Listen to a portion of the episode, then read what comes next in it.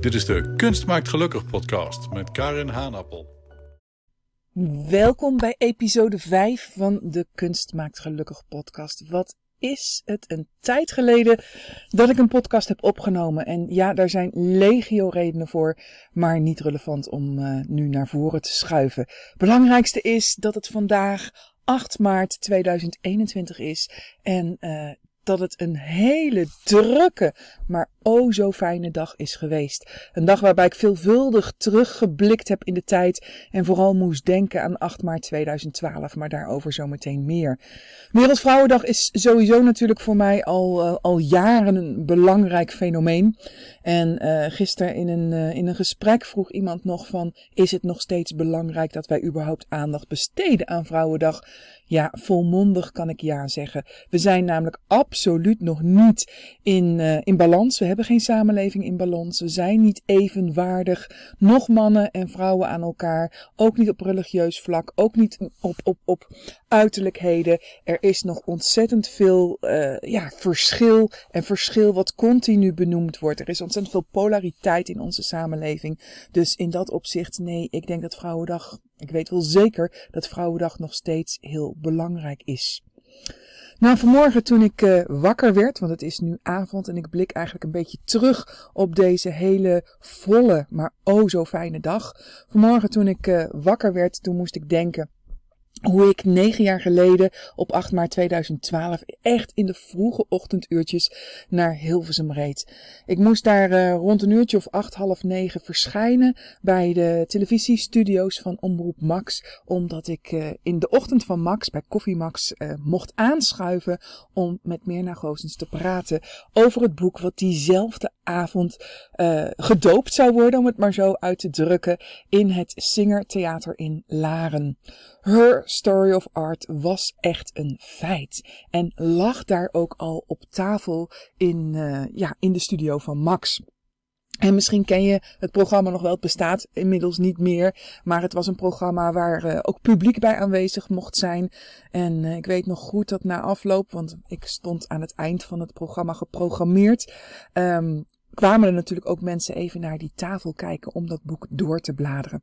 Nou ja, dat ik aan het eind van het programma stond geprogrammeerd was denk ik ook maar goed. Want uh, op een gegeven moment waren meer en ik zo in gesprek, zo in verbinding over die vergeten vrouwelijke kunstenaars.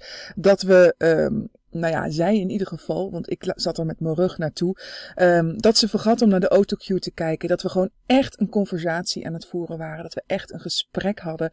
Ik denk dat dat voor het publiek ook alleen maar fijner is om dat mee te maken dan wanneer iemand een verhaaltje opleest. Maar goed, dat terzijde. In ieder geval, we waren zo druk bezig en zo bezig over die vrouwelijke kunstenaars dat de weerman um, die uh, dag eigenlijk voor niks naar de studio was gekomen. Want we werden echt gewoon onderbroken door het nieuws. En het nieuws dat komt overal natuurlijk doorheen. Maar de weerman zei ook na afloop van, uh, ja, nou, dan moeten de mensen maar gewoon naar buiten kijken. Dan zien ze wel wat voor weer het is. Deze keer uh, heb ik niet mijn zegje kunnen doen. Maar ik begrijp ook helemaal dat dat verhaal wat je te vertellen hebt zo ontzettend belangrijk is. En dat is nog steeds. Bedoel, we zijn negen jaar verder. Er is ontzettend veel gebeurd. Maar we zijn er nog niet. Her story of art moet nog steeds verteld worden. Want tot mijn grote consternatie kwam ik er onlangs achter dat er nog steeds door velen, en dan heb ik het ook gewoon over mensen in het veld, dus, dus kunsthistorici, kunstcritici, uh, museumdirecteuren, uh, noem maar op, mensen die dus echt wel zich met kunst bezighouden, dat die nog steeds het idee hebben, niet allemaal gelukkig, maar sommigen toch echt wel expliciet, dat ze niets over vrouwen kunnen of hoeven te vertellen. Want ze zijn immers niet als zodanig opgeleid. En uh, hoezo moeten er nu ineens vrouwen op tafel komen? He, hoezo moeten er een keer vrouwen aan de muren hangen? Waarom, waarom moet zoiets gebeuren? Dat is nooit geweest en waarom nu wel? En is er dan iets in je opleiding wat hapert? Ben jij als persoon, heb je een tekortkoming of zo? Dat zijn vaak de, de situaties waar ik, uh, tegenaan loop. Uh, de deuren die gesloten worden als je wilt dat een museum uh, de vrouwen uit het depot haalt, de vrouwen op zaal laat zien. De antwoorden die je vervolgens krijgt van ja, maar daar komt het publiek niet voor. Nee, logisch, maar het publiek moet wel uh, opgevoed worden als zodanig. Ik bedoel, je weet als museumdirecteur, als conservator, je weet, daar ga ik althans van uit, precies wat je in de collectie hebt. Zo niet, dan ga je dat onderzoeken. Hè? Je gaat het tonen aan het publiek. In feite vind ik dat je als museum dat ook verplicht bent om het publiek uh, te laten zien wat voor een pareltjes er eigenlijk in de collectie zitten. En ja, Nederland is wat dat betreft gewoon een land wat, uh, wat nog heel erg achterop loopt. Zeker met onze buurlanden internationaal gezien uh, hebben wij helemaal niet van die grote pakkende solo- of groeps, groepsexposities waar die vrouwen echt voor het voetlicht worden geplaatst. Dus haar verhaal van de kunst, ik bedoel, ik heb die Engelse titel natuurlijk wel uh, bewust op het boek gezet, maar het is een volledig Nederlandstalig boek. Haar verhaal van de kunst moet verteld worden. Om dit naast die gewichtige his story of art te vertellen. Want, want zijn verhaal van de kunst, dat is het verhaal wat we kennen. Dat is het verhaal wat continu herhaald wordt. Het is een, een verhaal wat zijn wortels als het ware heeft in die 19e eeuw, wanneer de kunstgeschiedenis een wetenschappelijke discipline gaat worden. Wanneer een groep mannen, want dat zijn mannen, geen vrouwen, uh, de koppen bij elkaar steken en met elkaar afspraken maken. Wat gaan wij uitdragen? Wat wordt de rode draad die wij onze uh, studenten gaan aanleren? Welke periodes, uh, welke kunstenaars, welke kunstwerken? en ze spreken dan al af, en dat heeft natuurlijk ook met de context van de tijd te maken, met die 18e eeuw, die eeuw van die verlichting die eraan vooraf gaat, waarin men weer heel duidelijk teruggrijpt naar de klassieke oudheid en ook stelt dat dat de bakermat is van onze westerse samenleving. Daar starten ze dus. Dus dat is het start zijn, zeg maar, van de kanon. En vervolgens, en dat is belangrijk om te beseffen hoe, hoe dat eigenlijk in elkaar zit. Vervolgens is de context van de tijd van de 19e eeuw bepalend wat er in die richtlijnen komt. En men spreekt met elkaar gewoon heel helder af. Grote meesters zijn uitsluitend en alleen witte westerse mannen. En als je dit nu zo hoort, witte westerse mannen, dan kun je natuurlijk meteen bedenken dat dat niet klopt. Dat dat maar een heel, heel smal stukje is van de, de wereldbevolking. Witte westerse mannen. Het is zo'n klein, marginaal stukje. Maar wat gebeurt er? Op het moment dat je daar de focus op legt en de rest volledig negeert. Dus je wilt alleen maar die ene storyline, hè, die wil je uitdragen. Daar leg je de focus op. Dat doe je dus door de rest niet te benoemen te negeren. Want ook als je het negatief benoemt, geef je er toch aandacht aan. dus je benoemt het niet en je gaat dat wat je wil uitdragen, ga je herhalen. Iedere herhaling is een bevestiging van wat je wil uitdragen. Iedere bevestiging is een bestendiging. En zo creëer je een nieuwe waarheid. En als dat maar lang genoeg voortduurt, nou, dan heb je een waarheid waar iedereen in gelooft Tenzij je onderzoek gaat doen, tenzij je vragen gaat stellen, tenzij je gaat kijken, klopt dit wel? En in het geval van de kunstgeschiedenis, wanneer je de primaire bronnen gaat bekijken, wanneer je dus echt het verleden induikt, de archieven induikt, je gaat kijken, wat is er bekend uit al die periodes, dan kom je erachter dat er altijd vrouwelijke kunstenaars zijn geweest. Dat ze er altijd zijn geweest. Dat er zelfs heel veel vrouwelijke kunstenaars pioniers zijn geweest. Dat ze in de avant-garde zaten. Dat zij eigenlijk vooraan liepen. En dat mannen ze soms nog wel eens kopieerden. Terwijl dat natuurlijk het verhaal is wat nu verteld wordt. Ach ja, als die vrouwen al iets doen, hè, dan is het die mannen achterna lopen. Want de mannen zijn de geniale personen. Nee, in mijn onderzoek ben ik tegengekomen dat het heel wat keertjes andersom is geweest. Maar dat het dan niet past in die gecreëerde waarheid en dat dus dan de feiten eigenlijk van tafel geveegd worden, omdat wat er gecreëerd is, om dat maar hoog te houden. Dus dat, dat, dat idee fix, dat wordt met mannenmacht als het ware, wordt dat hoog gehouden. Nou ja, er moet natuurlijk een keer uh, komen dat het valt, dat het onzichtbare zichtbaar wordt, dat duidelijk wordt dat wij in onze westerse samenleving met een historische constructie te maken hebben die eigenlijk gewoon niet klopt. En als ik nu terugblik naar de afgelopen negen jaar, dan zie ik dat in 2012 was dat nog best een lastige. Ik heb meerdere lezingen gegeven waar mensen echt gewoon ja, met, met stomheid uh, geslagen waren. En ook soms niet eens, ook al kon ik de bewijzen gewoon laten zien, mij gewoon niet wilde geloven. Nee, dit kan ik niet geloven. Vrouwen kunnen dit niet. Nee, ik wil niet dat vrouwen dit kunnen, want zo heb ik het niet geleerd. Zo past het niet in mijn, mijn, mijn mind. Hè? Meermaals ben ik het tegengekomen. Maar ook hiervoor geldt natuurlijk hetzelfde. Op het moment dat je gaat herhalen dat er wel degelijk naast al die mannen ook vrouwen hebben geëxisteerd die fantastische werken hebben gemaakt, wordt het langzaam ook iets geaccepteerder. Maar wat ik net al zei, ik vind het wel een kwalijke zaak dat er nog steeds mensen zijn die, die echt doodleuk durven te beweren. Als ik me over vrouwelijke kunstenaars ga buigen, dan moeten het wel uh, contemporaine kunstenaars zijn. Want in het verleden, ach ja, weet je, daar zijn geen namen van overgeleverd geweest. Dus ik vraag me af of ze überhaupt wel geëxisteerd hebben. En het zijn echt mensen die dit soort uitspraken doen, die gewoon een universitaire studie achter de rug hebben, waarvan je zou verwachten dat ze weten wat wetenschappelijk onderzoek inhoudt. En toch worden dit soort uitspraken gedaan. Om weer terug te komen naar vandaag, Wereldvrouwendag. Ja, Her Story of Art is nog steeds heel essentieel. Het is belangrijk dat deze kennis eigenlijk bij iedereen terechtkomt. En dat was toen de tijd in, in 2012. Hè, het boek is in, op 8 maart verschenen, dus in de loop van 2012 kwam er een, eh, een biblion-recensie, zoals dat met een mooi woord heet. Dat is de recensie die de bibliotheken, die, die, die door iemand van de bibliotheek wordt geschreven, om eigenlijk een, een, een positief of negatief advies te geven aan de bibliotheken in Nederland of zij dit boek in hun collectie moeten nemen, zodat mensen het gewoon ook in de bib kunnen lenen.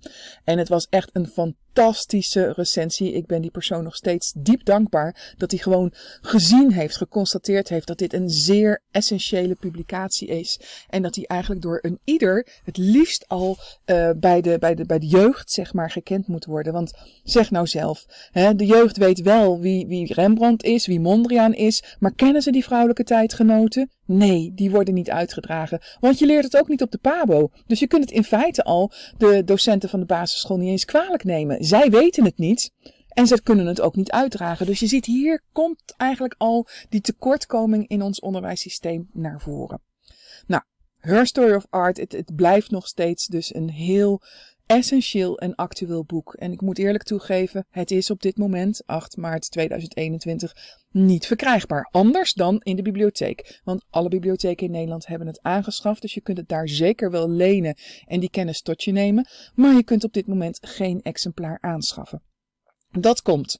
He, dat komt echt, dat beloof ik je. En als het aan mij ligt, als het aan alle omstandigheden ligt, als ik het allemaal goed uh, zeg maar in mijn vingers kan hebben, als het allemaal loopt zoals ik hoop dat het loopt, dan uh, verschijnt de herziene uitgave dit jaar nog in 2021. En hoop ik dat ik volgend jaar op 8 maart 2022 vol trots kan zeggen dat het boek er weer is. En dat je het dus ook weer kunt lezen met al die extra aanvullingen die ik er natuurlijk in ga stoppen. Even terug naar 8 maart 2012. Ik reed dus naar Hilversum toe om bij meer naar te spreken over dit boek. Wat fantastisch was sowieso ook die ervaring op de televisie. Hè, maar dat het boek daar al was. En uh, ik blij, ben maar gewoon in het gooi gebleven. Want uh, s'avonds was voor een bomvol theater in Singer. Het eh, Singermuseum heeft ook een theater. Dat weet je misschien wel of misschien niet. En uh, tegenwoordig is er een ander theater, omdat het onlangs helemaal verbouwd is. Maar ik was dus nog in het oude theater van Singer. Bommetje vol met allemaal mensen die uh, heel graag bij de boekpresentatie aanwezig wilden zijn. En ook dat was een feest. Een feest om die, die volle zaal met die enthousiaste gezichten, om die te zien en om die mensen dit verhaal te vertellen. Het verhaal wat, wat, wat zo niet bekend was. Zeker in 2012 was het nog minder bekend dan vandaag de dag. En ik weet nog dat ik afgesproken had dat ik eigenlijk maar een, een, ja, een uurtje zou gaan praten. Maar ik sprak langer en uh, de mensen bleven zitten. Ik hou altijd een beetje mijn publiek in de gaten om te zien hè, of, of ze het nog aan kunnen. Maar ze hebben gewoon de volle 2,5 uur hebben ze ademloos zitten luisteren. En toen uh, verkondigde ik ook nog dat het boek in de foyer uh, aangeschaft kon worden. En dat ik daarbij met een tafel zou staan waarbij ik zou gaan signeren. En die arme mensen van Singer die hebben tot echt midden in de nacht hebben ze met mij te doen gehad. Want uh, ja, iedereen wilde een gesigneerd exemplaar. Nou, dat doe ik natuurlijk bij een volgende keer anders. Dan zorg ik ervoor dat mensen van tevoren kunnen aangeven dat ze een gesigneerd exemplaar willen hebben en dan ligt het klaar. Dan hoef ik niet meer andere mensen zo te belasten met dit. Ondanks het feit dat uh, de mensen van Singer uh, heel behulpzaam waren en ook zeiden: nee, jij gaat het gewoon afmaken tot het eind, tot de laatste is vertrokken. Het is te belangrijk. Uh, dit verhaal moet er gewoon komen en die mensen hebben recht op hun boek. Het was in ieder geval een fantastische ervaring, die 8 maart 2012. En wat moest ik er vandaag, toen ik wakker werd vanmorgen, aan denken? Ik had eigenlijk speciaal voor, voor deze dag niet bedacht dat ik ergens uh, lezingen zou gaan geven. Ik heb zelfs nog wel lezingen afgeslagen. En nou zitten we natuurlijk in coronatijd, dus op locatie een lezing geven is sowieso al niet te doen. Maar ik heb verschillende instanties gezegd: nee, 8 maart. 8 maart is echt even voor mezelf. En uh, ik kom niet spreken. Ik ga ook niet via Zoom of webinar of wat dan ook. Ik doe het even niet. En uh, daar had ik ook een reden voor. Um, ik wilde heel graag een exclusieve lezing geven over het boek Her Story of Art. Want ik wilde natuurlijk wel vieren dat het boek eigenlijk negen jaar geleden is geboren. Maar ik wilde dat doen met mijn eigen trouwe achterban. Met de mensen die al jaren, en sommigen ook nog maar net, cursus bij mij volgen. Uh, dus ik zei tegen mijn team, ik zeg, weet je wat we gaan doen? Stuur alle cursisten die op dit moment een cursus volgen. Hè, en dat, dat kan zijn een basiscursus, dat kan zijn een salonreeks, dat kan zijn een verdiepingscursus, uh, dat kan zijn deelnemers voor het tweede of derde jaar uit het Ancient Her Story programma. Stuur ze allemaal een uitnodiging en we gaan uh, op 8 maart om half elf s morgens met elkaar samenkomen en we gaan het gewoon met elkaar vieren.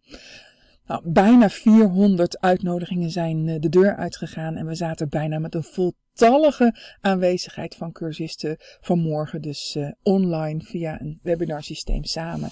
En ik heb ze verteld over Her Story of Art en hoe, hoe fijn het is dat we dit met elkaar kunnen doen. En ik heb natuurlijk ook nog uh, wat speciale dames uitgelicht. Dat was nog wel eventjes een keuze maken, omdat je natuurlijk zo ontzettend veel vrouwelijke kunstenaars hebt uit het verleden. Kijk, als je daar onderzoek naar doet, kom je er steeds meer tegen. En ik kan dus ook echt, ik kan er met de pet niet bij dat er mensen zijn die tegen mij zeggen, als je een uurtje moet spreken over vrouwelijke kunstenaars, kun je dat wel vullen. Mijn god, kun je dat wel vullen? Ik kom tijd tekort. Als ik echt alles zou moeten gaan vertellen wat, wat ik aan kennis over vrouwelijke kunstenaars in me heb. Ja, dan ben je echt niet met een uurtje klaar. Ook niet met twee uurtjes, nog niet eens met een week, nog niet eens met een maand. Er is gewoon ontzettend veel. Dus ik moest een keuze maken, want je kunt natuurlijk in anderhalf uur hè, met, met de achterban kun je lang niet alles doen prachtige keuze gemaakt door twee dames uit het Ancien-regime, de tijd voor de Franse Revolutie, te belichten. En, uh, en een dame die, uh, die laat zien dat het ook anders kan. Nou, ik verklap deze dames niet, die horen echt bij die, uh, Story of Art Community, dat is voor de achterban. Maar hoe fijn dat die achterban er is. Want ja, die heeft gewoon ook nog iets anders uh, bewerkstelligd. En daar zal ik zo meteen ook iets over vertellen. Want ik ben er zo trots op en ook zo blij mee. Maar het bleef dus niet bij die rustige dag die ik me voorgesteld had. Met alleen een ochtendlezing van ongeveer anderhalf uur. En voor de rest eventjes uh, bijkomen van alle inspanningen en, en, en intense zorgtaken die ik de afgelopen maanden, afgelopen jaren heb gehad. Nee, ik werd gevraagd voor een interview over Her Story of Art bij Clubhouse. Nou, ik weet niet of je bekend bent met Clubhouse, maar dat is een, een nieuw fenomeen. Het is een social, het is een app die alleen nog maar op de iPhone draait. Je kunt ook alleen maar op Clubhouse als je een invite hebt, dus als je een uitnodiging hebt. Nou had ik die al enige tijd, dus ik zat er wel op. Um, maar Eva Brouwer, een uh, presentatrice die uh, ook een, een, een fantastisch programma heeft. Waarbij ze mensen die wat minder snel het podium pakken. Echt fantastisch traint om dat te doen. Zij is een presentatietrainer zou je kunnen zeggen. En uh, zij zij heeft overigens ook geschiedenis gestudeerd, dus daar hebben we natuurlijk een klik met elkaar. En zij heeft vandaag echt acht uur achter elkaar, een marathon zou je kunnen zeggen, heeft ze een room in Clubhouse uh, gehost. En heeft ze verschillende mensen, heeft ze het podium geboden om iets te vertellen in relatie tot Vrouwendag. En Eva die uh, vroeg mij zondagavond van, uh, Karin wil je alsjeblieft ook iets vertellen? Want het is niet compleet als, als, als her story of art er niet bij is. En ik zei ja. En natuurlijk zei ik ja, want ik, ik sta hier helemaal achter. En Clubhouse is sowieso een, een, een fijn medium. Hè? Het, het, is alleen maar audio, je ziet elkaar niet. En je kunt gewoon helemaal uh, losgaan in dat wat je wil uitdragen. Dus ik heb um, een half uur, misschien iets langer, heb ik over Her Story of Art gesproken. Ook vragen beantwoord uit, uh, de, hè, van de mensen die, die erbij waren en die wat wilden weten. En het was gewoon fantastisch om te doen. Wat dat betreft uh, ben ik van plan op Clubhouse ook nog wel eens zelf het een en ander naar voren te brengen. Dus uh, wie weet, als je Clubhouse hebt, dan kun je mij daar nog wel uh, tegen gaan komen. Maar er was nog iets. Ik zag het eigenlijk vanmorgen vroeg al toen ik, voordat ik met mijn ehm, met de cursisten, zeg maar, uh, de Story of Art community, die uh, exclusieve lezing ging doen. Ik zag namelijk de nodige persberichten binnenkomen over Vrouwendag. En daar zat er ook eentje bij van het Rijksmuseum. En het Rijksmuseum verkondigde vanmorgen om 9 uur dat zij uh, nu toch wel tijd vonden om drie werken van drie verschillende vrouwelijke kunstenaars in de eregalerij te hangen. En ik moet heel eerlijk zeggen, ik werd er helemaal blij en enthousiast van. Want misschien weet je dat, misschien weet je dat niet. Maar in 2018, in de zomer van 2018, werd ik geïnterviewd door Eva Jinek. En dat was een telefonisch interview, dus dat was niet op televisie of zo. Uh, maar dat ging eigenlijk over waar zijn die Nederlandse vrouwelijke kunstenaars? Want we zien ze niet in die musea. En ze hadden zelfs een, een, een heel artikel ervan geschreven. En ze hadden het als, als header, dus als, als kopstuk, hadden ze uh, gesteld van het is toch wel echt heel bizar dat er in de eregalerij van het Rijksmuseum totaal geen vrouwelijke kunstenaar hangt. En dat was najaar 2018 dat dat artikel live kwam. Inmiddels is Eva Jinek van um, omroep veranderd, dus ook van website veranderd. Dus bij haar vind je het niet meer terug. Maar als je erop gaat googlen, ik heb het overgenomen op mijn eigen website. Daar kun je het artikel wel helemaal nalezen. Eén op één heb ik het overgenomen. In ieder geval, dit was natuurlijk een, een heet ijzer. Dit werd de media ingeslingerd. Dit werd overal verkondigd. Dit, dit kwam op Twitter, dit kwam op Facebook, dit kwam op Instagram. Clubhouse nog niet, want dat was er natuurlijk nog niet toen. Maar overal kon je dit lezen. Heel veel reacties zijn erop uh, gekomen. Maar de enige die, die, die helemaal niets zei, um, dat was het Rijksmuseum zelf. Die vond het niet nodig om hierop te reageren. En toen de redactie van Jinek daar nog eens een keertje navraag naar deed, vonden ze het ook niet nodig om überhaupt vrouwen in de eregalerij een plekje te geven. Want ja, die vrouwen waren toch niet zo goed als die mannen. Bovendien, hey, het publiek komt wel voor de Jan Steen en voor uh, de Vermeers. En voor de Frans Halsen. En natuurlijk voor de nachtwacht van Rembrandt. Maar die komen niet voor een Judith Leister of een Rachel Ruis of een Gesina Terborg. De dames die dus nu wel hun plekje innemen in die eregalerij. Dus al met al was ik gewoon heel blij me vanmorgen met dat persbericht van het Rijksmuseum. En tussen zeg maar de, de, de lezing voor mijn uh, cursisten en het, het interview of het gesprek, het mini-college, het bliksemcollege, wat ik uh, op Clubhouse voor Eva deed, voor Eva Brouwer, uh, kwam er een mail binnen en uh, was, dat was van de NOS, want zij wilde vandaag in de uitzending aandacht besteden aan wat het Rijksmuseum deed. Alleen het Rijksmuseum zelf gaf geen gehoor. Die wilde ook geen verslaggevers uh, binnen laten komen in verband met COVID en zo. Uh, maar ze wouden ook niet hierop ingaan. En uh, zodoende kwamen ze dus bij mij uit. En ja, dan zeg ik natuurlijk ook volmondig ja. Laten we afspreken. Laten we hier een gesprek over hebben. Laten we vooral zorgen hè, dat, dat, dat dit wereldkundig gemaakt wordt. En dat, dat het belang van die vrouwen in die eregalerij echt onderstreept wordt. En natuurlijk, het is nog geen 50-50. Ik vraag me ook af of, of het Rijksmuseum dat kan met alles wat ze hebben van vrouwelijke kunstenaars op, op de 17e eeuw gericht. Hè? Want het is natuurlijk wel zo dat um, de eregalerij vooral op de 17e eeuw gericht is. Dus ze zullen het misschien ook niet kunnen om een, om een 50-50 te doen. Het is nog niet eens een, een 80, 20 procent. Maar die eerste stappen zijn gezet. Die eerste stappen moeten we omarmen. Dit, dit is de weg voorwaarts. Hier moeten we gewoon blij om zijn. En ik ben er ook gewoon hartstikke blij om. En ook dat de NOS hier aandacht aan wilde besteden. Dus ja, in een van de volgende podcasts, want natuurlijk de Kunstmaak Gelukkig podcast zal nu weer wat frequenter gaan komen, nu ik weer wat meer tijd voor bepaalde dingen ga krijgen en ik je natuurlijk heel graag op de hoogte wil houden. De ene keer wordt het een lange podcast, de andere keer wordt het een wat kortere podcast. Maar um, ik zal in ieder geval zorgen dat die uitzending van de NOS, dat die uh, op mijn website terug te vinden is, dat je die ook kunt naluisteren. Misschien schrijf ik er wel een blog over met, uh, met de foto's erbij van de werken van Judith Leister en Rachel Ruis en Gesina Terborg, want ook dat mag natuurlijk wel gezien en gekend worden. Kortom, het is nu avond. Het is bijna is, is 8 maart voorbij. En uh, ik vind het een bruisende dag. Ik vind het net als negen jaar geleden een dag met een gouden randje.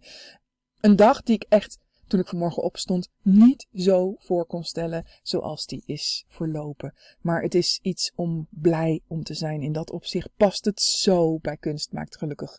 Ik ben hier echt heel gelukkig mee met alles wat er vandaag is geweest. Die exclusieve lezing voor mijn trouwe achterban, hè, voor de cursisten die ook eigenlijk gewoon keihard mee hebben gedaan. Hè? Dat vergeet ik nog helemaal te vertellen. Um, toen het artikel van Eva Jinnik was verschenen, toen gaf ik natuurlijk ook al les. Ik bedoel, ik geef al jaren les. En ik heb het natuurlijk te pas en te onpas aan iedereen verteld. Ook als ik lezingen gaf in het land. En of het nou in Nederland of in België was. Ik vertelde het en ik zei, zorg ervoor dat je mails stuurt naar het Rijksmuseum. Zorg ervoor dat er vanuit het publiek reacties komen. Dat je vragen stelt, waar zijn die vrouwen? En uh, het kan niet anders dan daar gaat op gereageerd worden. En of dit nou een hele grote impact heeft gehad of een wat mindere impact heeft gehad, dat laat ik gewoon in het midden. Ik weet zeker dat het impact heeft gehad, want mijn team heeft regelmatig mails gekregen van mensen hè, met, met een cc van dit is richting het Rijks, waar zijn die vrouwen? En dan werd het team daar ook in meegenomen. Dus wij weten dat er zeker de nodige mails gestuurd zijn, waarvoor ook dank aan een ieder die dat heeft gedaan. Want moet je eens kijken wat we op deze manier met elkaar hebben kunnen realiseren. Daar in dat Rijksmuseum is iets wakker geworden uh, wat deze vrouwen, zeg maar, in die eregalerij heeft laten plaatsvinden. Ze hangen er gewoon, ze zijn er. En het is niet eventjes alleen voor Vrouwendag vandaag. Het is echt blijvend, het is permanent. En ik kan alleen maar de wens uitspreken dat, dat dit meer gaat gebeuren. Dat er meer vrouwelijke kunstenaars uit de depots op de zalen komen te hangen. Hè, of in de zalen komen te hangen. Dat ze hun plekje weer terugkrijgen waar ze eens ook waren. Want het is totaal totaal geen goed beeld dat we hebben overgeleverd gekregen vanuit die 19e eeuw. Dat kunst alleen door witte westerse mannen gemaakt zou zijn. En dat uh, niet-westerlingen, niet-witte mensen en niet-mannen er dus niet toe zouden doen. He, dat is absoluut kolder. Dus wat dat betreft, uh, een dag met een gouden randje. Een dag om nu af te sluiten, heerlijk te gaan slapen en binnenkort weer een Kunst maakt gelukkig podcast voor je op te nemen met nog zoveel leuke mooie dingen. Dus uh, tot heel snel zeg ik. Bedankt voor het luisteren. Kunst maakt wel degelijk gelukkig. Tot de volgende keer.